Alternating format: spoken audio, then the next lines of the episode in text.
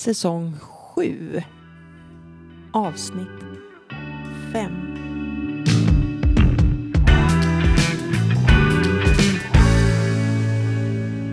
Steg 3. Lär dig känna igen dina känslor.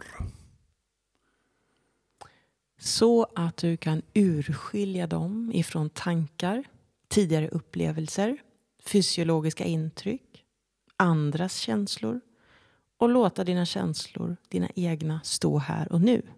Inte vara ett resultat av allt som har hänt dig. Alltså som att du har samlat ihop allt och använder det som en omedveten ammunition till att förstärka den känslan du just har fått. Ge dig själv tillåtelse att känna den här känslan. Och vet också att du aldrig behöver agera på den här känslan, vad du än känner. Utan se om du kan utforska var i kroppen den här känslan känns. Kanske är det också som en eh, kroppsförnimmelse, att det blir axlarna åker upp mot öronen eller det blir en klump i magen eller det känns runt bröstkorgen. Och se om du kan stanna kvar i att känna det här. Och om det också då går att släppa taget om känslan. För Gay och Kathy de menar ju att det tar cirka 30 till 60 sekunder om man är i känslan innan den släpper taget. Så att vara i känslan, känna vad den känns i kroppen, acceptera den, att den finns. Och, och låta liksom den försvinna av sig själv. Så att du inte smittar ner någon annan med den här känslan. Det här är ju lite av ditt expertområde då. Du är ju mindfulnessinstruktör. Mm. Och det här är kärnan i en del av, av mindfulnessen. Att eh, lyssna på känslan, att inte reagera omedelbart kanske är den stora grejen. Att ta den här lilla pausen i att känna in känslan. Vad betyder den? Var kommer den ifrån? Och det vanligaste problemet i, i många bråk är just att man aldrig eh, tar det lugnt kring känslan. Utan man har en, en reflexreaktion. Och eh, ja men du då? Och så slänger man tillbaka något och så är fighten i full gång. Autopiloten är igång. Ja. Du har inte ens tid att tänka utan det är autopiloten i hjärnan. Det finns någon koppling där uppe som bara, det här är bästa motorvägen, den tar vi. Ja, nu är det någon som anfaller mig här. Nu måste jag försvara mig och då snabbt. Ja. ja. Så ja, expertområde vet jag inte. Jag är inte alltid så bra på det här, men jag försöker att lära, lära och inspirera fler att eh, ta en liten mikropaus. Eh, men jag skulle vilja, istället för att liksom vara lugn i den mikropausen. Det måste man absolut inte vara. Men skada inte någon annan eller uttryck inte något annat som du skadar dig eller, eller på något vis. Men låt den här känslan finnas. Alltså blir du arg, säg det då. Jag känner mig så arg. Och det här känns som ett tryck över bröstet när jag är arg. Eller vad det nu är. Alltså känn det då. Ja, men det är en beskrivning av din känsla till motparten. Och det är ju något helt annat än att, att attackera tillbaks. Ja, ja. Och det gäller ju då att om jag kanske har kommit till den medvetenhetsnivån att jag kan säga så. Att, att partnern också kan eh, respondera på det viset. Att den, att den inte då hamnar i affekt. Eller reaktion. Mm.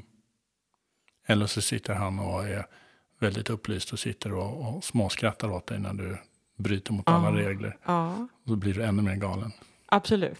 Så kan det bli också. Absolut. Men det är på något vis liksom att varje gång du kommer på dig själv med att ha en känsla låt den få vara. Liksom. Döm den inte. Och du behöver inte reagera på den. Utan ah, nu känns det så här i mig.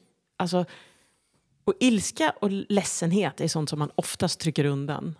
Men som Kathy sa häromdagen när vi tittade på ett Youtube-klipp bara att istället för att gå in i den här va? Vad fasen är det som händer och varför? Gå in i det istället med mhm. Det här händer. När jag är arg då brusar det som sockerdricka i fingertopparna. Exempelvis. Ja, men det kräver ju en, en, en, en, en insikt en medveten switch. Ja, och må många är ju hela tiden i den här autopiloten. Mm. Och de, hinner, de förstår inte att det kommer en känsla. De förstår inte vad den är. De förstår inte hur man ska kunna, eh, när vi sitter här och pratar på våra höga hästar om att ja, men be, beakta mm. känslan här nu så blir det nog bra. Mm. Det kan vara helt omöjligt ibland. Och om man då dessutom kanske har någon bokstavskombination eller några koncentrationssvårigheter kanske det blir i, i kvadrat svårt att, att handskas med det. Mm. När jag coachar klienter då brukar jag eh, ibland, eh, för väldigt många av dem har ju lätt att känna stress. Och då brukar jag ge dem det här, okej, okay, var i kroppen är den första signalen till att du känner dig stressad? Och det brukar inte vara så svårt att säga. Ja, men när jag är stressad så känner jag kanske att hjärtat bultar eller jag har svettiga handflator eller jag har ont i ryggen. Okej, okay, bra, då vet du det. Då är du medveten om det, så då kan du känna den. Och sen kanske en vecka senare när jag ställer frågan igen, då kan man till och med känna att innan jag får ont i ryggen så spänner jag höftböjaren. Eller innan jag får ont i ryggen så har jag liksom redan gjort något annat. Ja. ja, så att om man börjar med att hitta en punkt i kroppen där det här känns så kan man så småningom med hjälp av den punkten hitta en tidigare och en tidigare och en tidigare så att du så småningom blir faktiskt bättre på att lyssna på dina signaler inuti dig själv. Så träna på. Var lite nyfiken och undersök. Och döm inte ut någon känsla utan låt dem finnas. Men smitta inte någon annan. Nej, det var ju bra små tips.